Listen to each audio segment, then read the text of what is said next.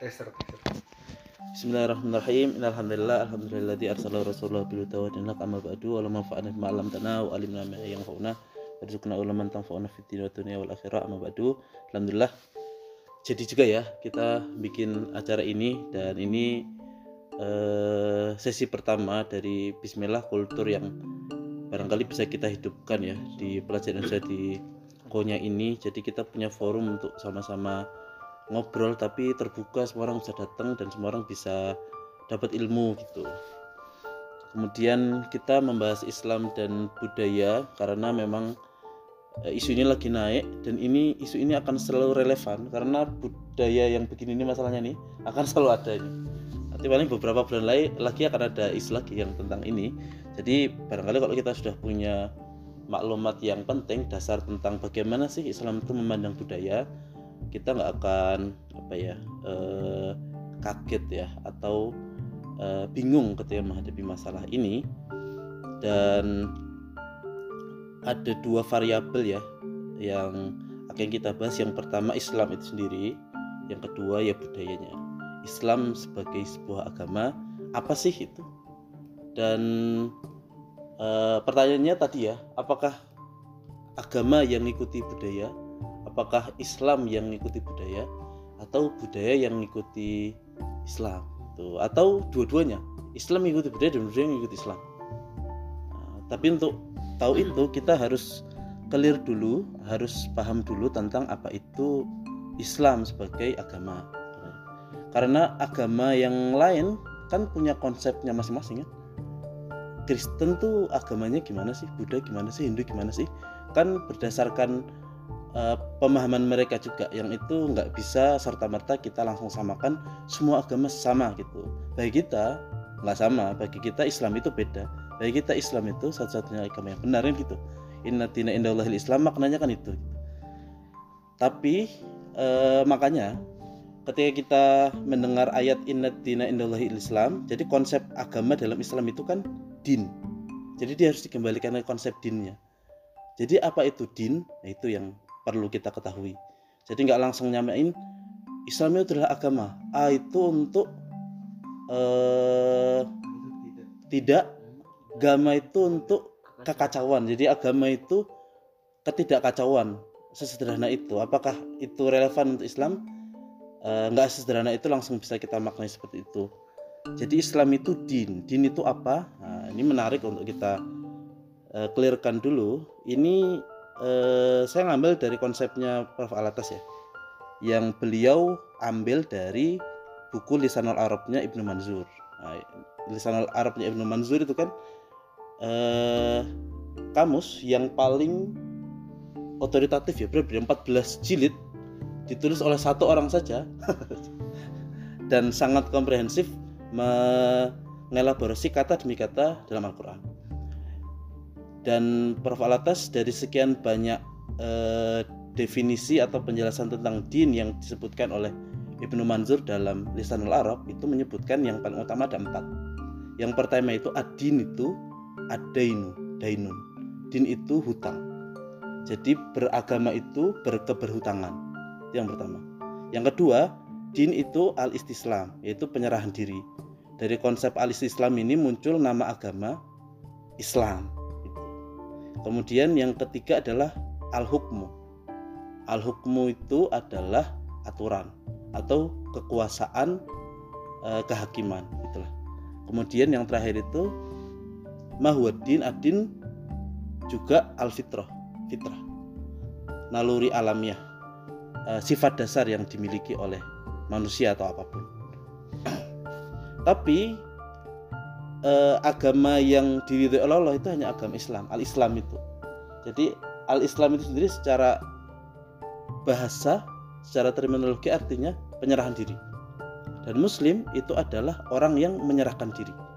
Dan konsep muslim itu juga berhubungan dengan al-abdu ya, hamba, budak.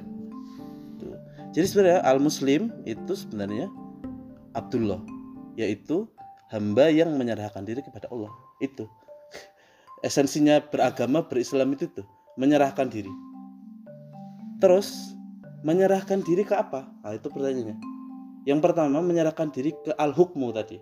Menyerahkan diri kepada salah satu makna Islam juga sebagai tata aturan. Dan juga menyerahkan diri pada fitrah. Jadi Islam itu fitrah. Jadi eh, sifat mendasar yang dia ini esensial ada dalam diri apa pun, termasuk dalam diri manusia. Apa itu? Nah itu. Jadi singkatnya mungkin gitu ya. Ini di panjang jadi berbuku-buku. Tapi mungkin disederhanakan menjadi empat itu. Mahwal Islam, eh mahwadin fil Islam adin awalan yang pertama adalah adain keberhutangan. Makanya eh, kita itu umat muslim itu adalah orang yang selalu merasa berhutang. Dan sifat dasar orang yang berhutang adalah tunduk pada yang menghutangi. Nah itu. Makanya sebenarnya hidup kita itu ibarat eh, perdagangan ya. Jadi uh, ada banyak ayat dalam Al-Quran yang menyiratkan bahwa kita itu memang sedang dalam perniagaan dengan Allah Subhanahu Wa Taala. Apa yang ditukarkan? Uh, yang ditukarkan adalah yang paling utama kehidupan. Jadi Allah itu memberikan nikmat yang terbesar pada manusia itu kehidupan itu. Uh, nanti kehidupan orang punya macam-macam ya uh, coraknya, tapi hidup itu sendiri adalah nikmat yang paling besar. Terus apa yang kita bayarkan ke Allah? Yang kita bayarkan itu ibadah. Jadi iba, kehidupan ditukar dengan ibadah. Itu yang sehingga apa? Sehingga eh, ganjaran dari perniagaan ini adalah keuntungan. Dan keuntungannya apa? Keuntungannya adalah kebahagiaan. Kebahagiaan di mana? Nggak cuma di dunia tapi di itu konsep Islam itu gitu. Nah, sebelum masuk ke budaya, perlu clear satu hal lagi dulu bahwa dalam Islam itu ada konsep yang berlaku di hampir semua elemennya. Yaitu konsep aku susah nyebutkannya apa ya. Aku mau kasih istilah esensi dan non esensi kok kurang tepat tapi dalam Islam itu ada yang namanya eh, akidah syariah. Ya, akidah syariah ini nanti ke klasifikasi paling awalnya dalam literatur itu itu nanti sebelum bernama akidah dan syariah itu namanya fikih dua-duanya.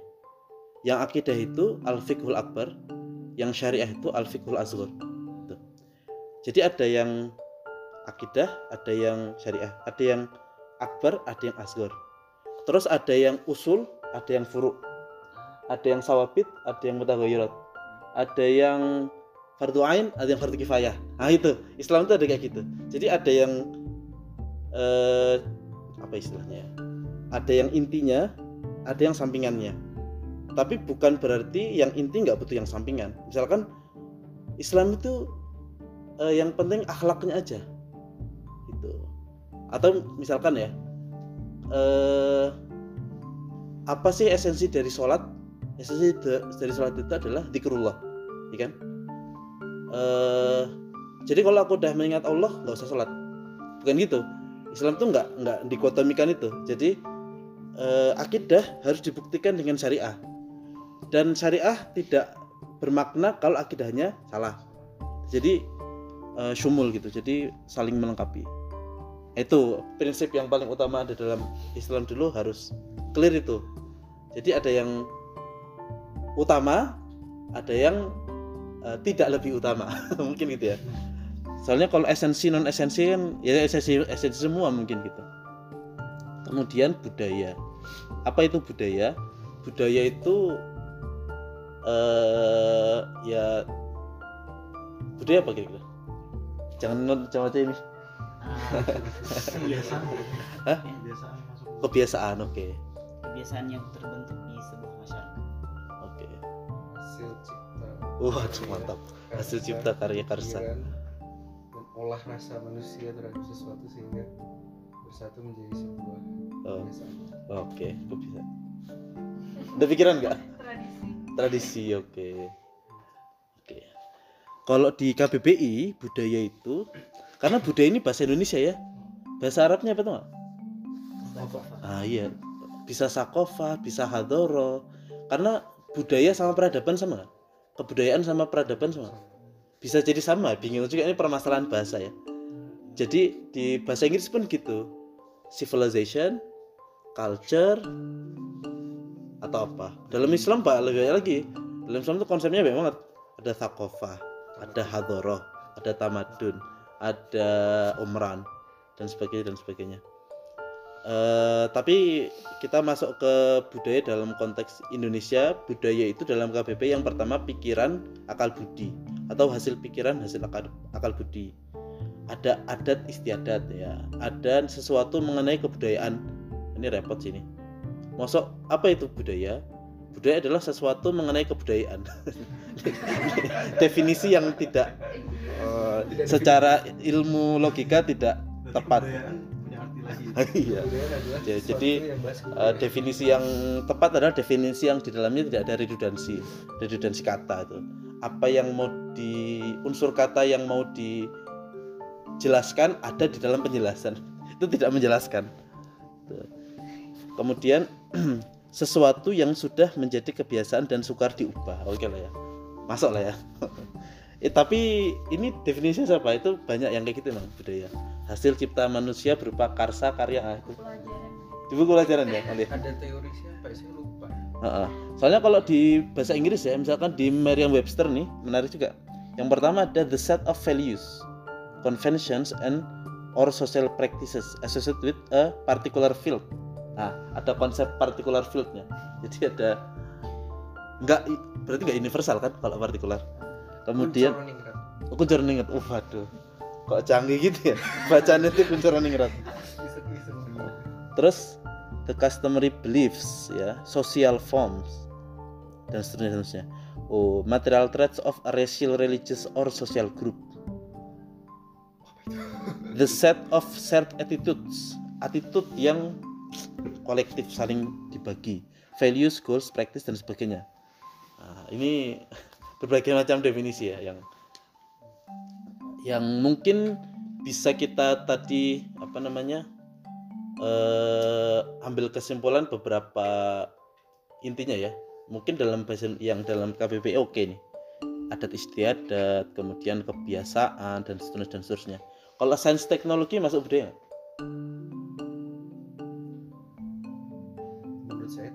bisa jadi ya. Nah, karena karsa manusia hasil cipta. Bisa jadi. Oke. Budaya ilmu budaya ilmu ya. Oke benar. Karena ada budaya nggak ilmu. Ada budaya perang. Hmm. ada budaya perang itu apa? Kita kalau mau tahu siapa yang lebih benar duel. Nah, itu, itu- ada budayanya politik. Yang penting kita menguasai yaitu dikit-dikit. Atau budaya uang semuanya diukur pakai uang. Mungkin sekarang kita sedang dalam yaitu ya peradaban uang. Maka pertanyaannya yang benar mana? Mengislamkan budaya atau membudayakan Islam? Dua-duanya Ah, iya. benar. yang benar budaya Islam atau Islam yang berbudaya? Oh gitu. Kalau saya. Kenapa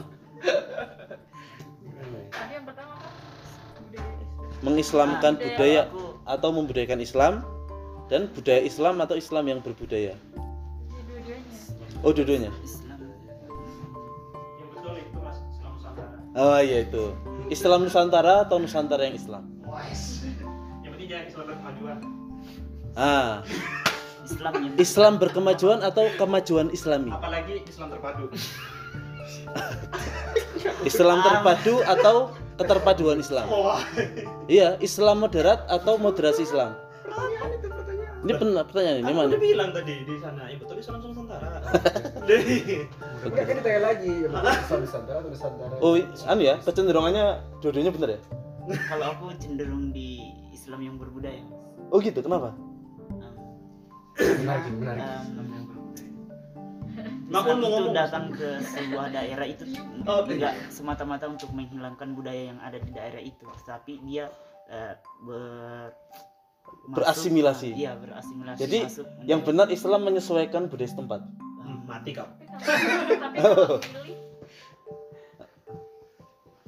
tadi apa jawabannya ini bukan binary option ya ini bisa triple option gitu bisa A B atau A B sama-sama benar atau A B sama-sama salah nah, bisa gitu empat lah Tadi gimana?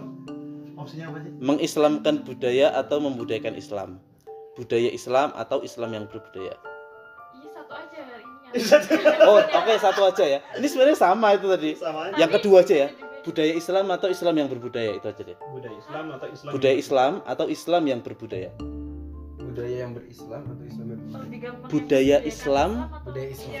Eh. budaya. budaya Islam atau Islam yang berbudaya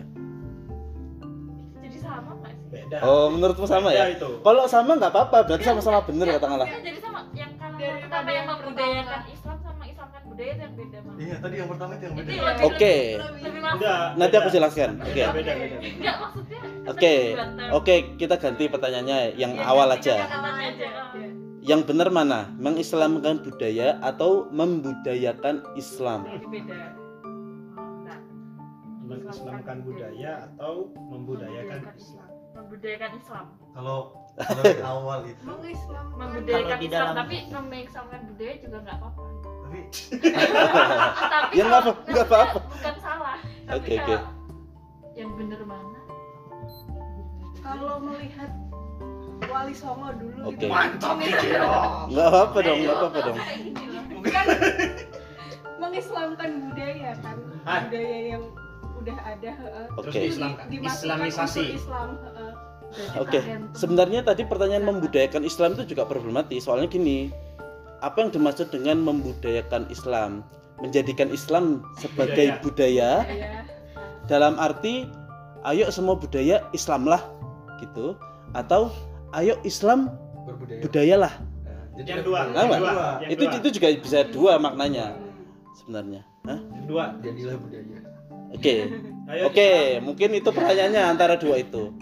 Ayo Islam berbudaya. jadilah budaya atau berbudayalah atau ayo budaya Islamlah. Nah, mungkin itu pertanyaan yang lebih tepat.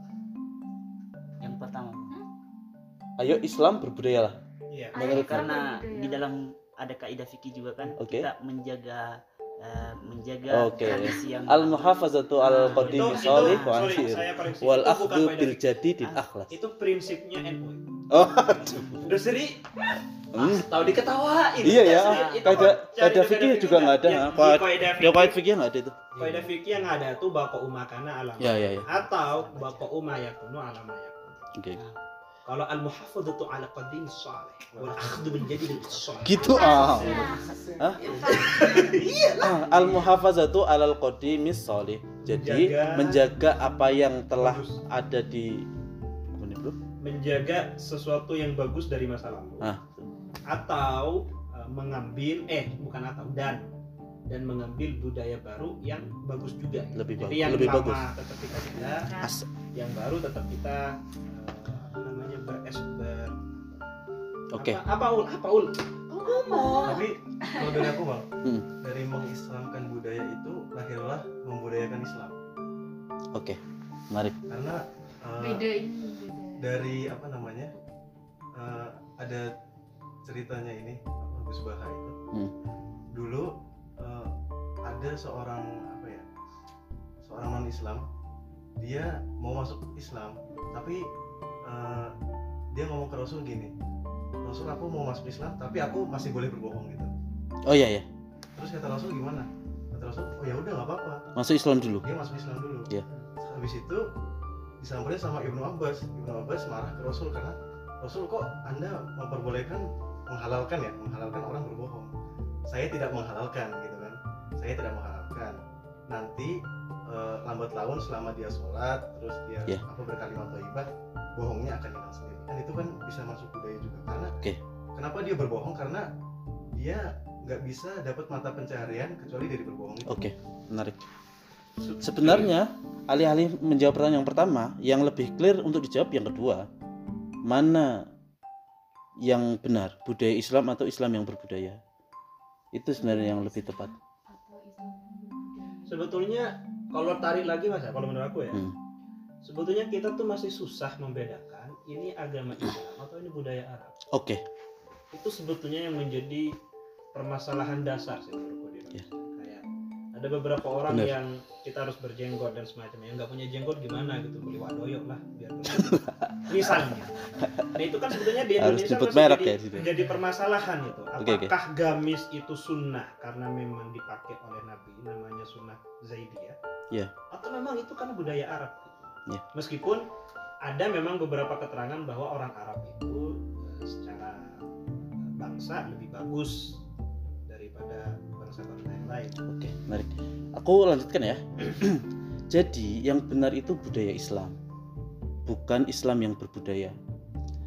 Yang paling sederhana adalah gini. Kalau Islam yang berbudaya itu yang benar, berarti ada Islam yang tidak berbudaya. Ya. Jadi eh, Islam yang berbudaya, ada Islam yang tidak berbudaya. Apakah ada Islam yang tidak berbudaya? Harusnya nggak ada. Kalau muslim yang apa berbudaya oke. Muslim yang tidak berbudaya oke ada. Tapi kalau Islam nah itu Islam itu sendirilah budayanya gitu. Jadi Islam itu nilainya universal lebih universal.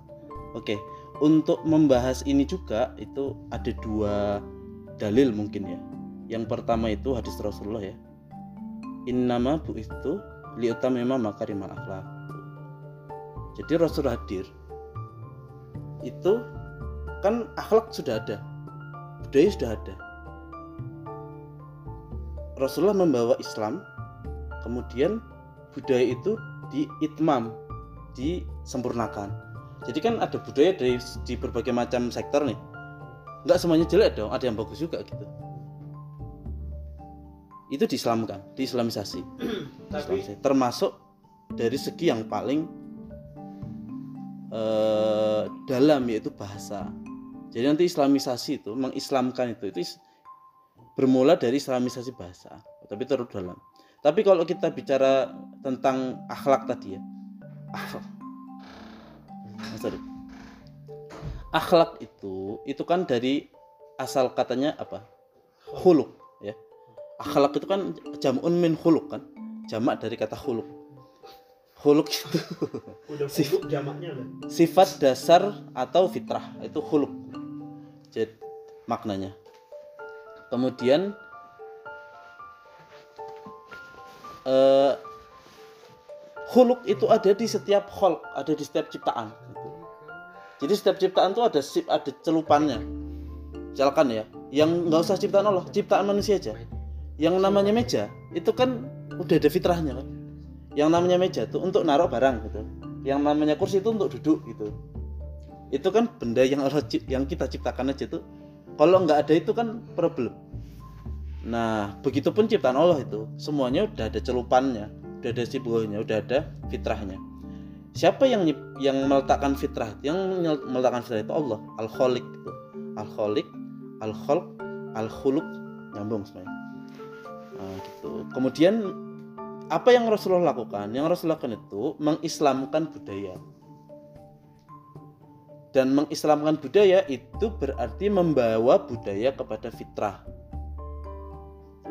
Dan it, setiap Rasul itu diturunkan untuk itu, untuk mengembalikan kepada fitrah semuanya. Jadi masanya apa eh, menyimpang diturunkan diturunkan Rasul dikembalikan lagi ke. Begitupun setelah Rasul wafat, kan ada ayat itu ya tentang tajdid tuh penting banget tuh. Inna allaha ba'atha fi kulli ra'si sanatin dinaha, ya kan? Setiap akhir 100 tahun itu Allah selalu mengutus seseorang untuk menjadi mujaddid itu. Konsep tajdid. Buat apa? Dia nggak bikin agama baru, tapi agamanya ini dikembaliin ke fitrahnya. Karena kecenderungan eh, berkembangnya waktu berkembangannya diskursus berkembangannya bahasan orang itu membuat ini nyimpang. Nah, itu perlu dikembali lagi dan seterusnya. Nah budaya non islami itu budaya yang tidak sesuai fitrah. Jadi kita perlu mengislamkan budaya. Kita perlu itu yang pertama. Uh, inama bu itu litamema makarimul akhlak. Terus yang kedua ada eh apa istilahnya? Ayat ya? Aku lupa ini surat apa nih ya. wa ma arsalnaka illa rahmatan lil alamin. Kadang-kadang orang problem ya. Kadang-kadang ada problematika apa yang dimaksud dengan k di sini? Ya? Wa ma arsalnaka itu loh. Kan kita biasanya Islam rahmatan lil alamin. Apakah k itu Islam? Se- sependek yang aku tahu dan yang disampaikan oleh Pak Yai sering sekali beliau ngulangi dulu K itu Rasulullah. Jadi yang universal yang rahmatan lil alamin itu itu Rasulullah. Itu. Jadi Islam itu dan eh, ajaran Rasulullah itu universal. Nanti eh, Pak Kiai dulu biasanya eh, menghubungkan antara kenapa kok Islam agak problematis kalau dibilang universal. Karena dalam konteks tertentu Islam itu agama yang dipeluk oleh kaum muslimin gitu. Yang itu kalau langsung diuniversalkan kan akan susah untuk masuk ke non muslim sementara ajaran Islam ajaran yang Rasulullahnya sendiri sebagai persona sebagai orang yang punya afal yang punya eh, amalan-amalan tindakan sikap perilaku kata-kata yang terekam dalam sejarah dan bisa diakses sama banyak orang itu kan itu universal. Sebenarnya itu Islam gitu. Itu nah kemudian dalam ilmu logika dalam konteks bahasa Indonesia ya ada sifat dan ada yang disifati. Ada sifat ada mausuf. Dan setiap yang disifati itu harusnya lebih khusus daripada yang menyifati. Tuh. nyambung nggak? Berat ya? Jadi gini dalam bahasa Indonesia itu sifat datang setelah yang disifati. Beda dengan konteks bahasa Turki dan bahasa Inggris. Di mana sifat mendahului yang menyifati? Eh yang disifati. Gitu, gitu ya. Misalkan ini. Ada konsep Islam Eropa European Islam. Ini yang yang ngusung Pak Macron. Prancis. Oh. beberapa tahun lalu. Yang itu diskursusnya kencang banget itu. 2010-an ya. Yang itu kan yang nentang keras banget Tarik Ramazan tuh. Cucunya Hasan Albana Tarik Ramazan. Eh, apa? Islam Eropa Islam Amerika Islam Turki Islam Afrika. Bener nggak? Yang bener Islam Eropa Islam Amerika atau atau Eropa Islam. Nah, ini agak susah. Karena apa? Karena sebenarnya ini letak geografis gitu. Jadi- Oke, jadi Islam Eropa, Islam Amerika, termasuk Islam Nusantara, itu oke dan bisa diterima ketika kita memahami bahwa yang dimaksud dengan Eropa, Amerika, Nusantara itu adalah letak geografis. Jadi ketiadaan, jadi ketersambangan situ itu sebenarnya ada satu kata yang mahdhuf.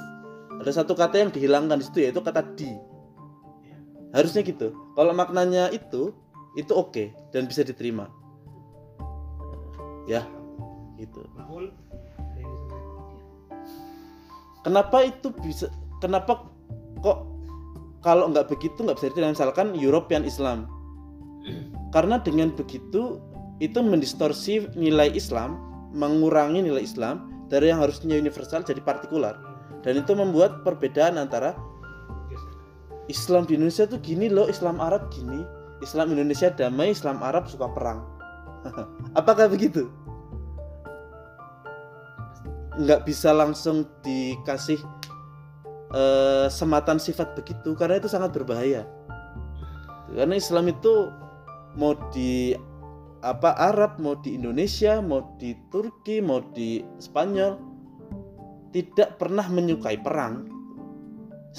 Apa syariahnya sama. Perang itu ada aturannya.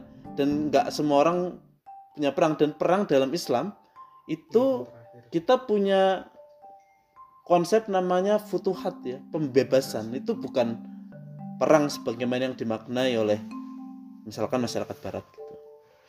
ada juga Islam radikal Islam moderat Islam modern Islam tradisional. Islam liberal Islam liberal Islam kaku. Misalkan ya. Ah, kalau semuanya disematkan ke Islamnya itu berbahaya sekali. Karena tadi Islam jadi berapa macam. macam yang apa namanya yang itu tidak ada kalau terminologi terminologi itu datang dari hazanah peradaban Islam itu oke. Dan hazanah peradaban Islam nggak punya itu sebenarnya di hazanah peradaban Islam itu yang ada misalkan firqoh gitu. Firqoh dia tidak tidak eh, mengatasnamakan dirinya Islam apa ya tidak gitu. Misalkan Islam Mu'tazilah nggak gitu. Islam apa sih istilahnya? Dan seterusnya, ya gak repot. Gitu. Jadi eh, Islam itu universal. Nah sekarang kita masuk ke masalah wayang. Ya masalah wayang. Din? wayang ini kan budaya ya. Hasil krea hasil kreasi cipta kars manusia. Adat istiadat kebiasaan style gaya hidup dan seterusnya dan seterusnya. Ya kan? Eh yang benar wayang itu diislamkan atau Islam yang diwayangkan waduh itu lagi yang tanya ya. Pokoknya diganti namanya. Wayang itu diislamkan. wayang diislamkan. Budaya itu diislamkan sama apa para ulama kita terutama Sunan Kalijaga yang tidak sekedar mengganti nama-nama terminologi di situ ya. Misalkan Kopeng, apa Purwacaraka tuh eh kok Purwacaraka? Bener ya? Masyarakat. Purwacaraka. Eh kok Purwa eh apa Pandawa. Pandawa 5 Astagfirullah Purwacaraka. Purwacaraka tuh apa sih? Oh iya benar tempat nyanyi bang. Itu tempat lesnya siapa? Musik seni musik. Kenapa kita harus tahu punya siapa itu ya? ya namanya Purwacaraka bawanya itu. Pandawa. 5 itu kan namanya emang baru ya. Tidak ada literatur Hindu yang punya nama Semar, Petrok, Gareng, Bagong nggak ada. Oh iya. Oh iya, Ya nggak ada. Ini Oh. apa eh, karakter ini nggak ada. Tokoh belum ada Dia nggak ada di Mahabharata maupun di Ramayana. Ramayana dan seterusnya nggak ada dia. Veda Rep. Nama kitabnya lah. Ada Rep. Iya. Dibaca. Jadi eh, apa? Ramayana, Mahabharata. karakter ini nggak ada dia di di invent dikreasikan oleh ulama kita untuk apa untuk memastikan wayang ini nggak hilang wayangnya tetap ada. Tapi nilai-nilai moralitas bisa masuk situ. Dan mungkin nyambung sama yang sampaikan Hilmi tadi ya. Kita sebenarnya balik lagi ke diskusi yang tadi. Jadi da- dalam Islam itu ada konsep tadi. Fardu ain fardu kifayah. Asar jam 16.13 ya? Apa menitan lagi? Nanti skip kali ya. Mohon ada salam dari bapak ketua Fatih Oh, iya. Mohon maaf belum nanti saya- jadi. kan ya? Jadi ke mana? Ya lagi gak dikonya nah, lagi kedua keluar. ini balik ke tadi. Ada yang sawabit ada yang mutakoyirot ada yang fardu ain ada yang fardu kifayah. Di Indonesia. aku rasa udah paham semua ya fardu ain fardu kifayah. Jadi ada yang karena di di Indonesia kan susah. Tadi aku bingung esensi tidak esensi. Ya nggak gitu. Karena esensi semua gitu. Eh, jadi ad- itu priority ya. Mana dulu yang harus diamankan? Jadi yang paling yang harus diamankan kan akidah dalam tanda kutip ketimbang syariah karena misalkan eh, orang itu mungkin bisa aja menggugurkan sholatnya dalam situasi uzur. Perang gitu. Kan bisa aja nggak sholat gitu. Tapi kan nggak bisa meninggalkan keimanannya. Bisa juga me, me- apa sih? Secara zohir seperti meninggalkan keimanannya tapi sebenarnya enggak. Misalkan kisahnya Amar bin Yasir itu. Ibunya Sumayyah disiksa. ya dan seterusnya. Ayahnya juga nyisa dia. Dia kalau enggak bohong enggak bilang kalau Lata Uzza dan sebagainya dia akan dibunuh juga gitu. Dan dia dengan sangat menyesal imannya masih ada di hatinya dia bilang Lata Uzza dan sebagainya dia nggak jadi dibunuh dia melapor ke Rasulullah dan nggak apa-apa. Nah, sebagaimana yang tadi bohong masih bohong dulu nggak apa-apa. Mungkin ya dalam tanda kutip ya. Tapi imannya masuk dulu. Eh, kalau di konteks sekarang gimana? Bertahun-tahun belajar eh, economics. Jadi pegawai di bank konvensional. Kemudian eh sadar nih wah ini riba. riba dan sebagainya. Langsung keluar nggak ada income anaknya lima. Hmm. istrinya tiga kata itu. Atau istrinya Mau- mau juga suka, Wak. Astagfirullahaladzim harusnya ini nggak boleh jadi jok ya. Astagfirullahaladzim. Eh, anaknya lima. Astagfirullahaladzim, ya Allah. Tahu Eh, gimana? Ya kan nggak gitu nggak langsung gitu. Se- semua ah pemahaman kita tentang proses itu yang kadang-kadang membuat kita salah paham termasuk Indonesia itu proses Islaminya Islamisasinya kan juga proses Eh, tapi belum bukan berarti kita bilang pemurnian Islam jadi proses Islam dimurnikan itu berarti mengharamkan semuanya kembali kepada Quran hadis. Tapi juga bukan berarti orang yang ingin kembali kepada Quran hadis secara tekstual itu salah. Nah, itu yang yang sekarang orang punya problem situ. Jadi gini, misalkan ya, eh, Ustadz kita Ustadz Khalid Basalamah punya fatwa berdasarkan referensi yang ia percayai bahwa wayang itu tidak boleh dengan landasan dalil adalah segala yang menyerupai makhluk hidup rupa dan sebagainya itu haram terus dia memfatwakan katakanlah haram ke wayang apakah dia salah Tidak. nggak nggak mesti salah gitu itu dia mengimani itu menjalankan itu kan sebenarnya tidak ada efeknya ke orang kan? Gitu gitu loh. Tapi kan bukan berarti tidak membuka kemungkinan ada ulama lain yang menghalalkan itu. Karena ini fatwa gitu. Fatwa itu masing-masing wilayah masing-masing waktu masing-masing ustadz bisa beda gitu.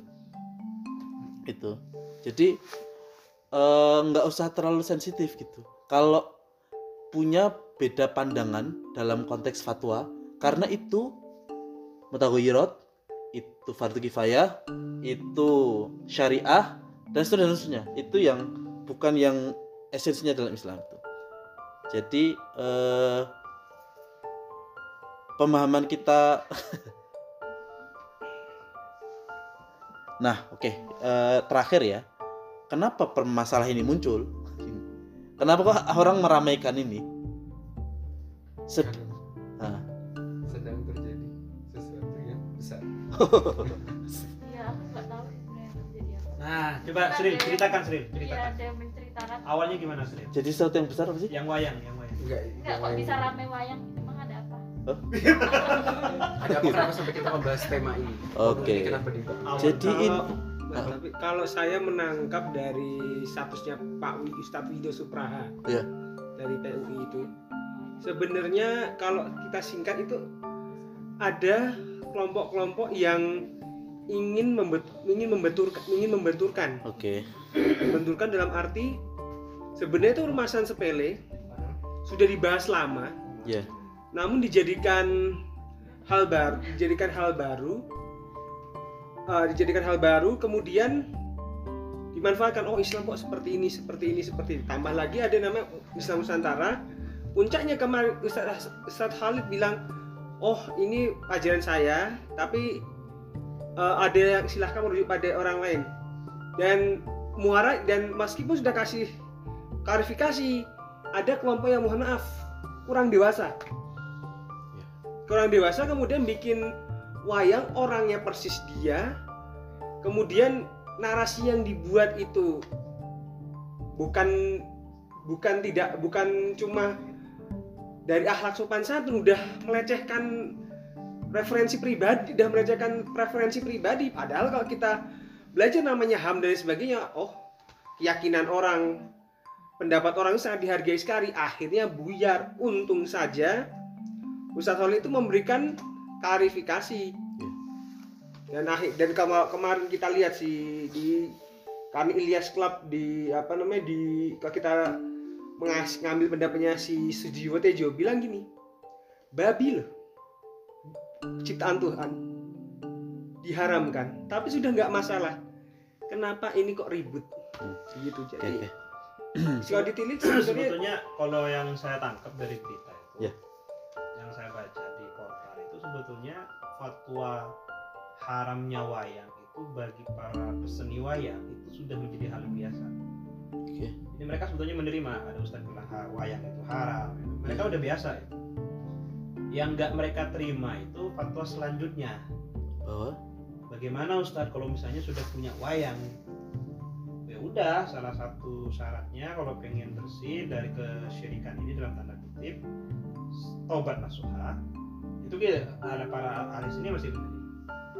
Dan yang kedua kata Ustadz Khalid dibakar ya. wayang itu sebagai bentuk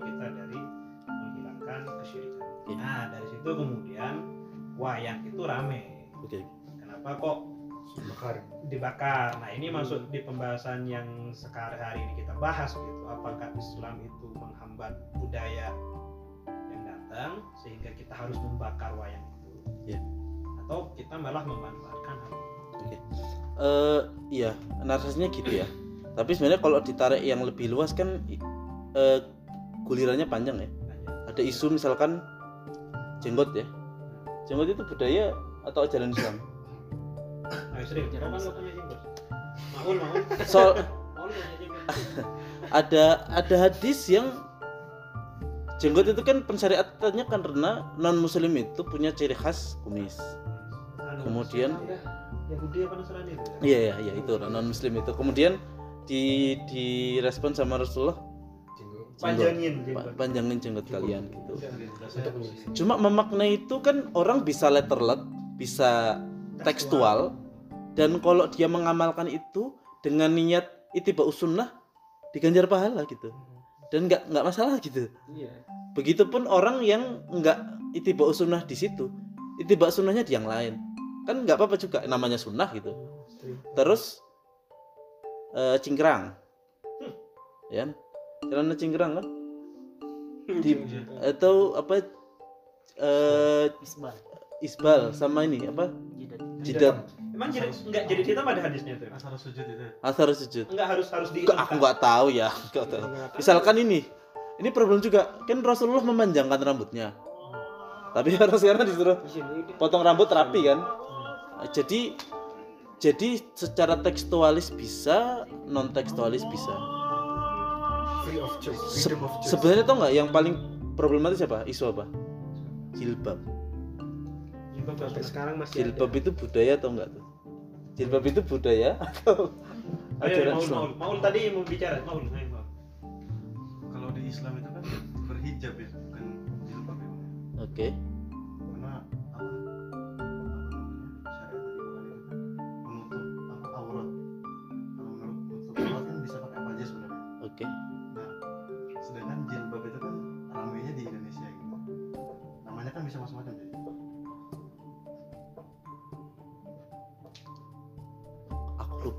terminologi di Al-Qur'annya apa ya? Tapi kan kan? Himar apa apa itu? bukan kan?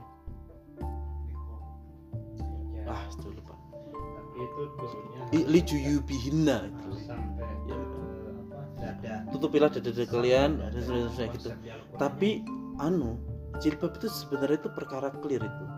Itu jumhur ulama mewajibkan itu. Iya, aku mau Iya, iya. ketawa. Iya, iya, iya. Ketawa.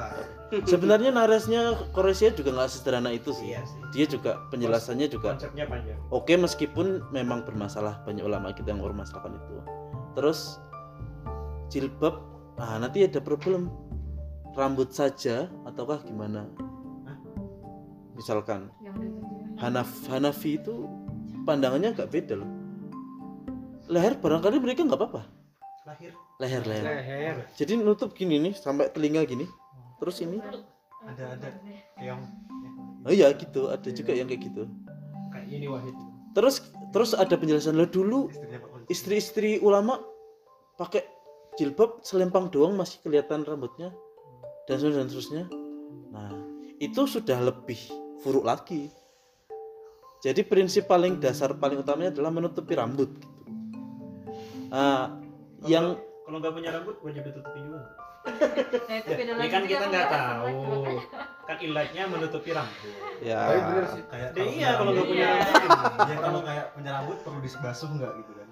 Ya kayak orang kemoterapi kan dia nggak punya rambut. Atau orang Apakah itu- itu dalam banget sih. Tahu nggak? Apakah apakah perintahnya menutupi rambut? Ada nggak kata syar di situ? Nggak ada. Nggak ada kata syaur di situ. Yang penting sampai dada gitu aku juga nggak tahu itu Kalau perlu itu kajian yang lain aku harus dalamin lagi juga. Enggak jadi prinsip moralnya adalah wanita perlu menutup auratnya auratnya itu di luar wajah dan telapak tangan. Biar. Kalau hadis yang menutup seluruh badan itu gimana? Yang nggak boleh terlihat. misalkan ya Eh, kacamata itu. itu kalau menurut kalau ini kalau eh, Ahmad Syekh Ahmad Taib ya Gereja Al Azhar Oh, sekarang ya, rasa. aku lihat satu video yang jelas sekali beliau sharingnya menurut dia jilbab itu 100% jumhur ulama wajib bagi wanita tapi kalau nikob nikob itu budaya Hah? Oh iya, bagi saya Toyib ya. saya Taib Enggak, enggak konsep nikob tuh datang dari mana sebetulnya? Konsep nikob menutupi seluruh badan itu dari hadis atau Oh, karena ini tahu nggak apa bedanya jilbab? Nikob, khimar. Khimar, burka. Nikob kan ada yang bener-bener nutup cuma mata mata pun terawang. Nah, itu budaya itu urf itu. Itu budaya mas. itu ar- menurut Syekh Ahmad Tayyib eh nikob budaya. Nikob. Jadi kalau orang Arab pakai nikob apa-apa. jadi yang yang aku permasalahkan sebenarnya ini ya kenapa kok yang tadi itu muncul gitu kenapa kok di kalangan umat Islam sendiri eh mempermasalahkan orang yang mempermasal yang mempermasalahkan wayang jadi mempermasalahkan orang orang yang mempermasalahkan orang yang membahas wayang. Tuh. Jadi gini, jadi ini itu kan sebenarnya bukan wayang aja ya dan semuanya termasuk jilbab. Termasuk seluruh aturan yang di atau budaya dalam tanda kutip Islami gitu.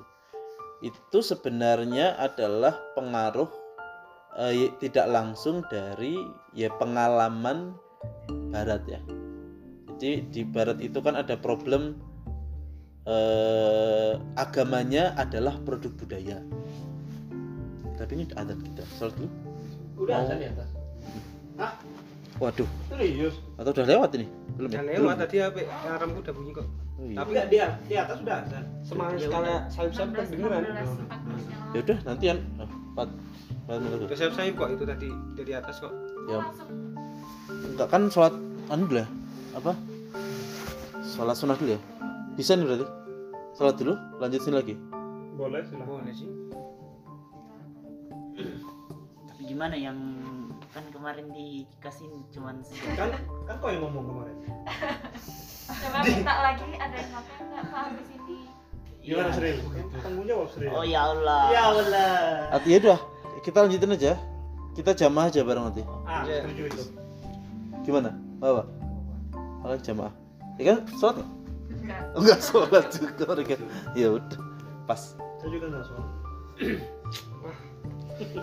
Jadi memang ada anu eh, apa namanya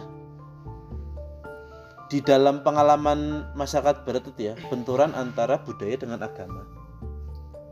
Karena agamanya juga produk budaya. Istilah Budaya Romawi.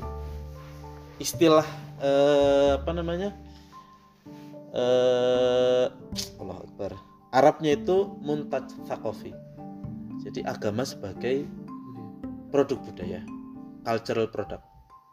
Terus kenapa kok bisa begitu? Ya perhatikan aja. Eh, kasus yang paling nampak itu kan di agama Nasrani ya di Kristiani gitu.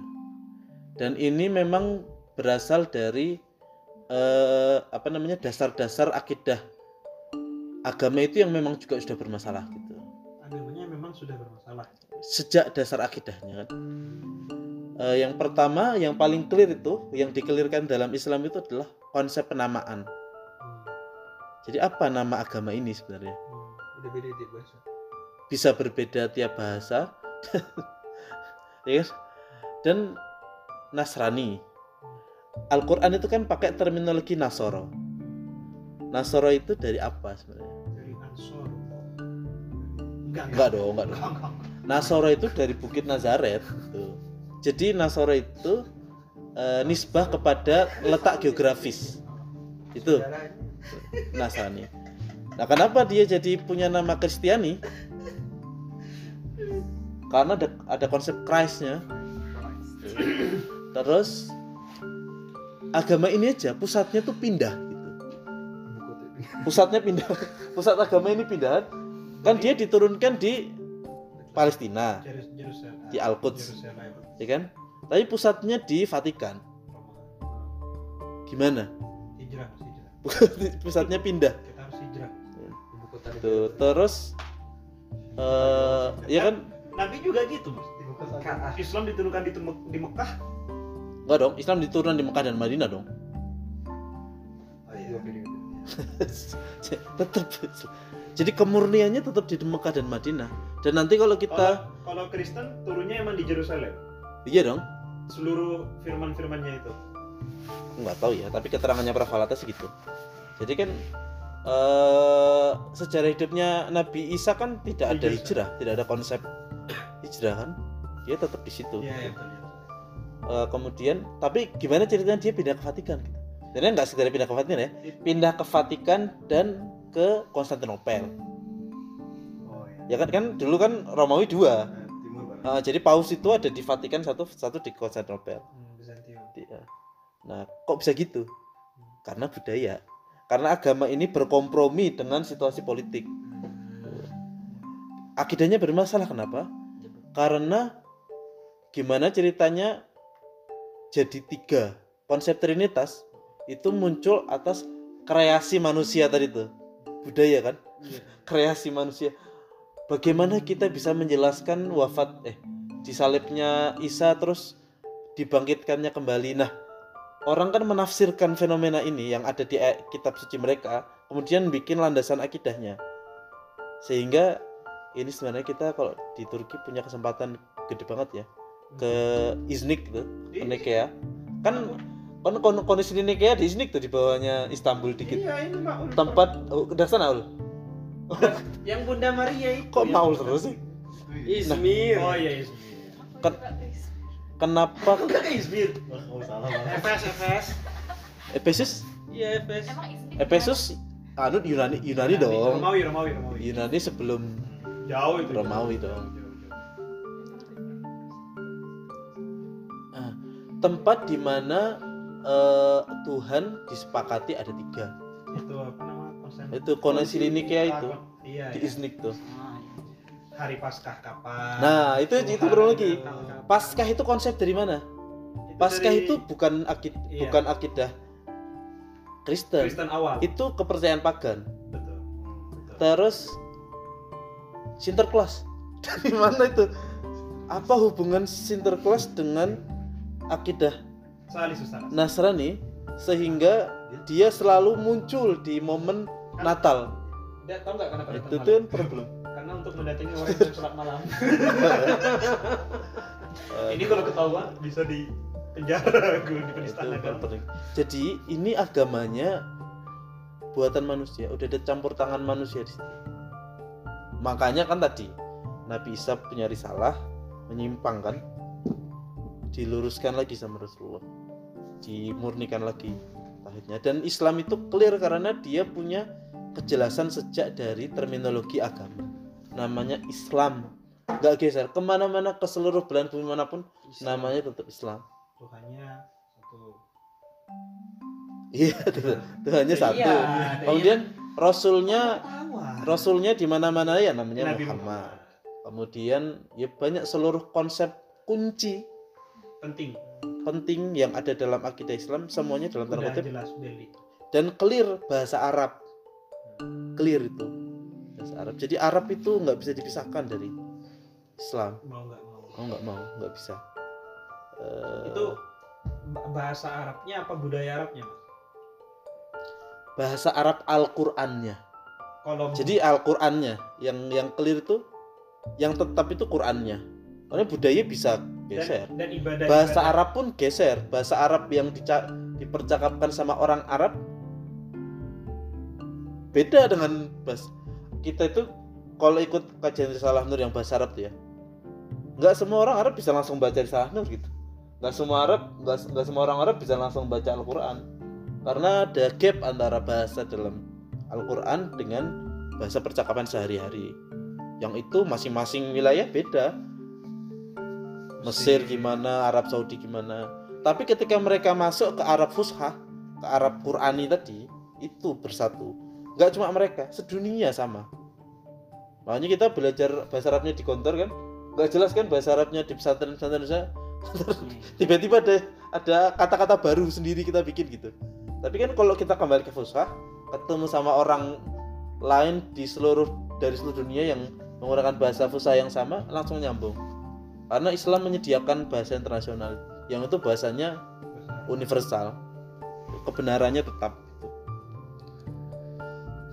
Itu sih. Jadi eh, semoga bisa menjelaskan ya. Jadi relasi agama sama budaya itu gimana?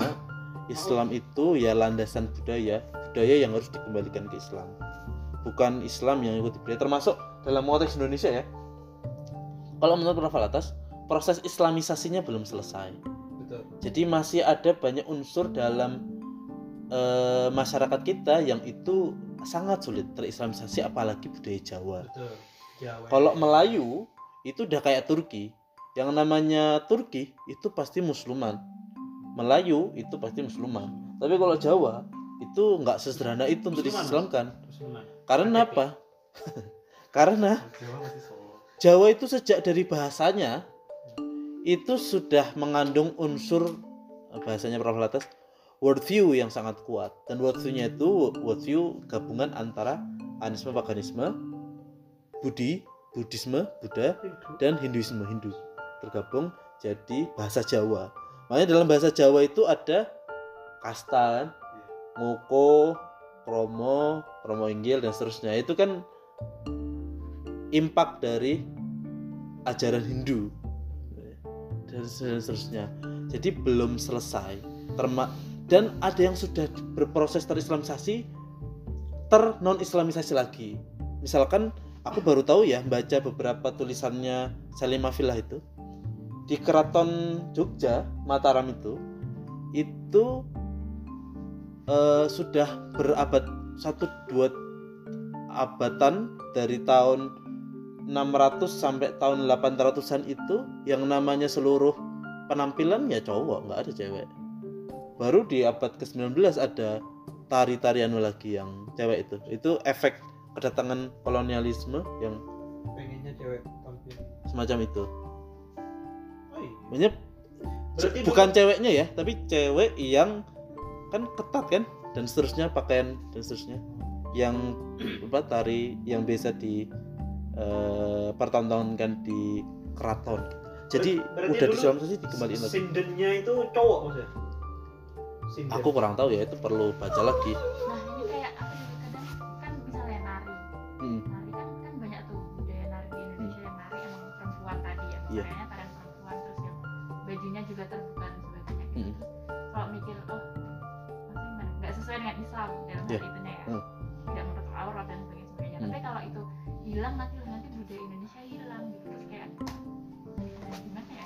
Iya. untuk menjaga hal itu Heeh, jadi apakah ya udah yang melakukan itu eh, orang nggak usah orang-orang Islam aja biar Keren, keren, tetap keren.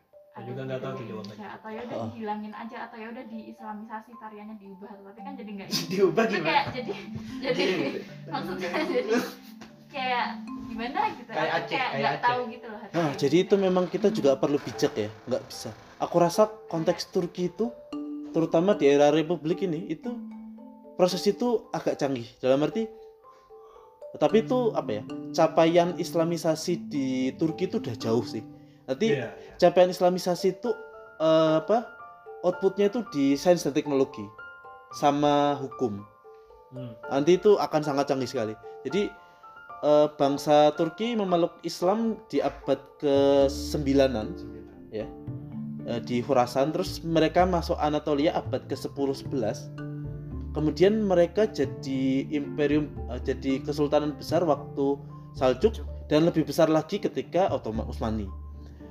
Utsmani itu kan dari tahun 1300 sampai puncak katanya di tahun 1600 zaman Sulaiman Al-Qanuni. Tapi kalau menurut Shenturk nggak nggak di situ, nggak sekedar di situ. dari abad ke-16 sampai ke abad 18 masih lanjut. Karena apa? Karena nanti ulama-ulama besar muncul termasuk misalkan eh, penerbang ya. Eh, Abbas Ibn Firnas. Kemudian Hezarfen dan sebagainya itu abad ke-17 18 gitu. itu out- output Kalau it, kalau ukuran kemajuan ada di capaian budaya dan sains teknologi.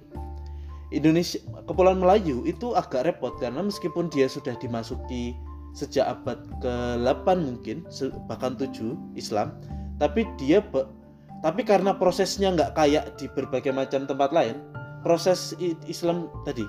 Jadi dia punya kultur yang beda karena proses masuk Islamnya nggak ada perang sama sekali, nggak ada catatan futuhat pembebasan tuh belas nggak ada di Kepulauan Nusantara itu. Eh, jadi prosesnya agak lebih lambat, tapi dalam. Gak lebih lambat, tapi dalam dan nggak ada eh apa sih namanya eh ketakutan atau nggak ada bayang-bayang peperangan yang itu nanti eh, akan berdampak pada bagaimana teritori itu berbentuk. Misalkan Turki Turki itu kan eh, punya pengalaman itu. Jadi pengalaman penaklukan tuh gampang banget. Ya kalau di era Republik kan kudeta gampang banget lah ya. Indonesia tuh nggak gitu. Di di Kepulauan Nusantara itu itu terlalu banyak hal terjadi dalam proses yang sangat soft. Jadi eh, kerajaan baru muncul di abad ke-15 dan budaya ilmu baru canggih di abad 16-17 tapi keinterupsi kolonialisme. Nah itu yang problem. Jadi ah, gelombang kolonialisme datang di abad 17 dan ini ganggu. Kalau ini nggak datang mungkin kita sudah mungkin kita bisa seotoman itu. Karena kan Islam itu membawa rasionalitas itu membawa budaya ilmu membawa kecenderungan kita untuk berpikir afala takilun afala tatadakarun dan seterusnya. Gitu yang itu eh, eh, canggih sih. Nah kalau masalah budaya ya yang tadi ya eh, ya pelan-pelan sih. Jadi kita nggak bisa langsung karena itu masalahnya adab kalau kita nggak pakai adab kita langsung strict misalkan sebagaimana yang mungkin dilakukan oleh Ustadz Khalid Basalamah itu. Dan beberapa jamaah itu itu justru elemen masyarakat yang masih Menolak. konsen sama budaya tadi justru menolak. Islamofobia munculnya di situ. Gitu. Itu Islam isu Islamofobia tuh wah kuat banget itu. Kalau kita nggak paham itu kita akan nggak bijak tuh untuk berlaku. Misalkan kalau ada orang yang mau mendirikan gereja gimana tiba-tiba kita demo kita kita pakai pakai bahkan bakar dan seterusnya. Makanya. Terus orang India lihat beritanya. Minoritas Muslim yang di India jadi kena gitu. Karena itu ngefek apalagi zaman sekarang digital. Makanya dijaga gereja untuk menjaga keamanan ketertiban Nah, kalau mau jaga gereja, jaga juga masjid dulu. Gerejanya, masjidnya nggak- nggak usah ketawa masjid, biasa aja masjidnya nggak dijaga, gerejanya dijaga problem juga. Eh, Soalnya masjid gak ada yang perlu ditakuti pak yes. Gak ada isinya Maling maling kota amal gimana? ya? Maling maling kota amal. Enggak, enggak, enggak. Maksudnya- Kota aman loh gak ada isinya Sebenarnya banyak hal yang dia harusnya selesai masalahnya kalau nggak digembar-gemborin. Nah, nanti ada anu ya di bahasannya Said Nursi yang risalah Ikhlas wal Ukhuwah itu juga ada bahasan tentang itu. Cara untuk menguatkan ukhuwah di antaranya adalah nggak usah bahas hal-hal yang nggak perlu dibahas. kalau katanya kalau katanya almarhum B.J. Habibie itu kan saya sedikit sedikit masuk nih ceritanya gini bagaimana bisa si Yes. Habibie itu men- menyatukan ilmuwan-ilmuwan muslim dari seluruh dunia bahkan seorang muslim mubarok yang mohon maaf ya citranya seperti itu sampai heran bilang gini ini kenapa ini teman-teman kita yang ilmuwan-ilmuwan muslim ini bisa bisa kumpul? Sedangkan kita kita yang di Mesir aja ngumpulin susah sekali kumpul ujung-ujung ujungnya ribut dan lain sebagainya. Hmm. kalau kata Profesor almarhum uh, Habibie kita tuh mulai dari mencari titik persamaan titik pertemuan. Dan itu yang ditonjolkan sebelum nanti udah sepakat mulailah kita perlahan-lahan perlahan-lahan perlahan-lahan dan kalau bisa dikaitkan dengan konsep uh, konsep ukhuwah ya seperti itu tadi. Kemudian kalau kita membaca bukunya Dawam Erbakan lah dalam bagaimana dia mendi- akhirnya mendirikan D8 Iya. yang walaupun kurang efektif tapi ada beberapa prinsip yang masih ada lima prinsip tapi saya ambil satu. Catus Madail dialog. Hmm. artinya apa? Tidak ada konflik melainkan dialog. Jadi bagaimana cara kita berdialog? Tentu ada hal fokus atau konsep bersama yang harus diutamakan.